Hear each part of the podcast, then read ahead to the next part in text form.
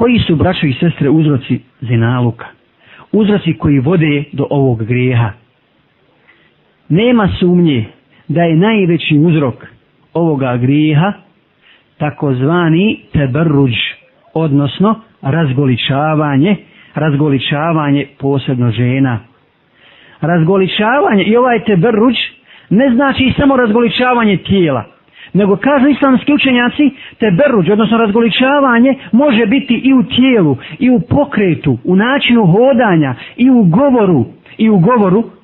I Allahu Đelešanuhu se danas mi želimo na te brruđ, odnosno razgoličenost žena muslimanki koje u suludom slijedjenju, slijedjenju tuđih običaja nemaju granica.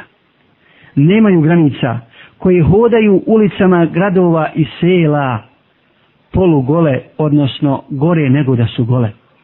Gore nego da su gole.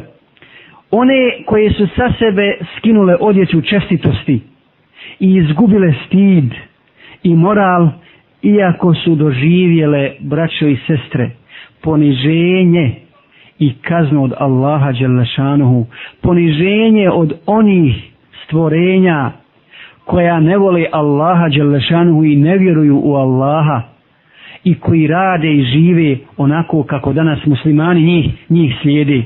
Dakle, zbog tog zlodjela, zbog te, takvih grijeha, zbog te razgoličenosti, zbog udaljenosti od Allahove upute, od Islama, Allah kaznio muslimane. Allah nas iskušao. I sada se pojavljuje ponovo sve to. I ti isti ljudi koji su to uradili, koji su do dna obešćastili muslimane i muslimanke na ovim prostorima, ponovo to pripremaju muslimankama. I ne, ne žele i ništa drugo, ništa drugo, osim, osim silovanja, osim obešćašćivanja.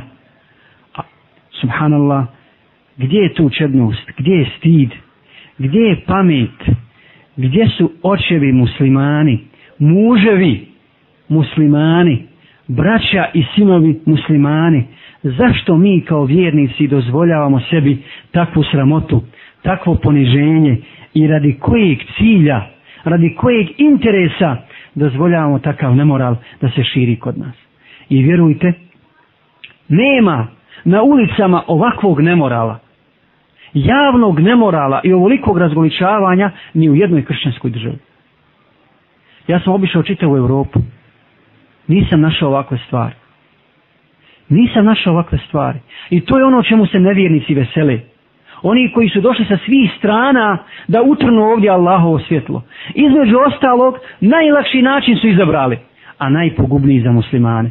Udarili su na moral. Nude ovom napačenom narodu mrvice i korice hljeba i za sitne pare. Za sitne pare kupuju naš ponos, našu čast, i naš moral. I to je ono zbog čega se spušta Allahova kazna. I razgoličenost žene je najveći uzrok širenja nemorala. Pogledajte, braćo i sestre, Allah subhanahu wa ta'ala je u svim ajetima u Kur'anu, gdje se spomenju muškarci i žene zajedno. U svim ajetima je prvo spomenuo muškarce. Prvo spomenuo muškarce, osim u ajetu gdje se govori o kazni za zinaluk. Zašto? Zato što su muškarci, mi smo govorili o prednostima muškarca, ne obezređujući ženu. Žena ima svoju ulogu, muškarac ima svoju ulogu. Ali muškarac je glava, porod, glava porodice. On je taj koji hrani, koji, obskr, koji donosi obskrbu za lahu pomoć i tako dalje. I brine se o toj, o toj porodice, ništa ne fali. Zbog toga ima svoju vrijednost.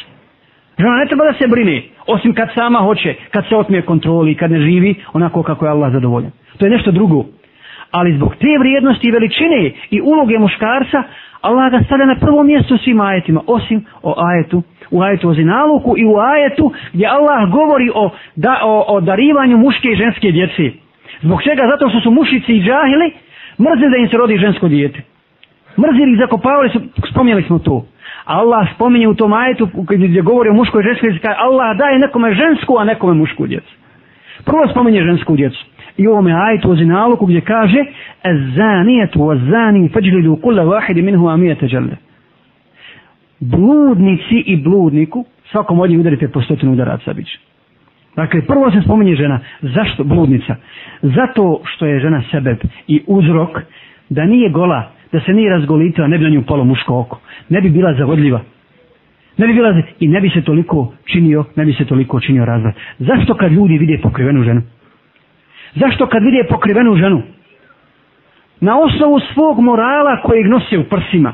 Na osnovu fitre. Čovjek odmah obara pol. Nema šta traži kod nje. Ne da ta odjeća čestitosti. Ne da da neko o njoj nešto roše pomisli, a kamo li da pokuša nešto da uradi. To je brana. To je, pre, to je prepreka. I zaista je to prirodno. Zaista je to tako. A pogledaj što kaže poslanik sa selam u tom smislu. U hadisu koji ga bilježi Tirmizi od Abu Hurajre u dvi riječi. El mar'atu awra. Žena je sva stidna. Ili žena je sva avret. Žena je sva stidno mjesto koje treba koje treba pokriti. A u kuranskom ajetu Allah subhanahu wa ta'ala kaže Ja ejuhan nabiju kulli azvađike wa banatike wa nisa il mu'minine judnina alejhinna min djelabi bihinna zalike edna en ju rafne fala judhain. O vjerovjesnice reči ženama svojim i kćerima svojim i ženama vjernika neka spuste haljine svoje nizase tako će se najlakše prepoznati pa neće napastovane biti neka spuste haljine svoje nizase. Tako će se najlakše prepoznati. Zašto? Po čemu će se prepoznati? Prepoznaće se po črnosti, po stidu, po moralu. Potom će biti prepoznatljive i neće niko na njih nasrtati. A kažu mu Fesiri da je jedan od, od o, sebeba povoda ovo, objavljivan ovo, ovoga ajeta bio i to da su mušrici, odnosno džahili u predislamskom dobu po putevima stajali kao danas kao danas ostoje muškarci i dobacivali ženama kad naiđu. Bile su razgoliti, još posebno što se više razgoliti je više izazovna. Pa su ma, muškarci dobacivali bezobrazne riječi i sva što im govorili. A nisu tada žene bile razgoličene kao danas. Ali su te barabe, odnosno džahili dobacivali. Pa je Allah naredio da se pokriju žene komplet, osim robinje, koje su otkrivale lica. Da se zna kad najđe da je robinja. Kad najđe je slobodna žena, ona je sva pokrivena. Bila udata, bila neudata. Nju ne smije niko dirat. Ne smije ni robinju, ali se zna da je, da je robinja. Nečija. Dakle, nećete tako biti napas, napastovane. Ako nosite tu odjeću čestitosti i ako poslušate Allaha i njegovog poslanika sallallahu alaihi ve sellem.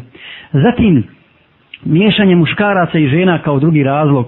Na svakom mjestu u kućama, u školama, u firmama, e, na ulici, gdje, u prevoznim sredstvima, svugdje ćete naći miješano društvo, koje je danas postalo normala. I kad biste pričali sa onima koji su navikli na to, pa rekli bi šta ima tu nenormalno. Šta ima tu, ne nenormalno, nego neprirodno, da sjede muškarzine zajedno. Zbog čega? Šta fali? A mi znamo šta fali. I vallahi, onaj ko bi postavio takvo pitanje, a ja sam čak sinoć imao takvu diskusiju sa, odre, sa jednom osobom koja je daleko, daleko od islamskog načina života, a musliman je, i tako, tako rezonuje. Tako rezonuje. A na kraju priznaje u stvari da sjedinje muška i druženje muškaraca i žena zajedno je u stvari spajanje benzina i vatre. I približavanje benzina i vatre na drugom. I priznaje da je to tako. I priznaje da je žena danas iskorištena i zloupotrebljena više nego ikada u te svrhe. Da je postala jeftina roba koja se prodaje po najjeftinjoj cijeni.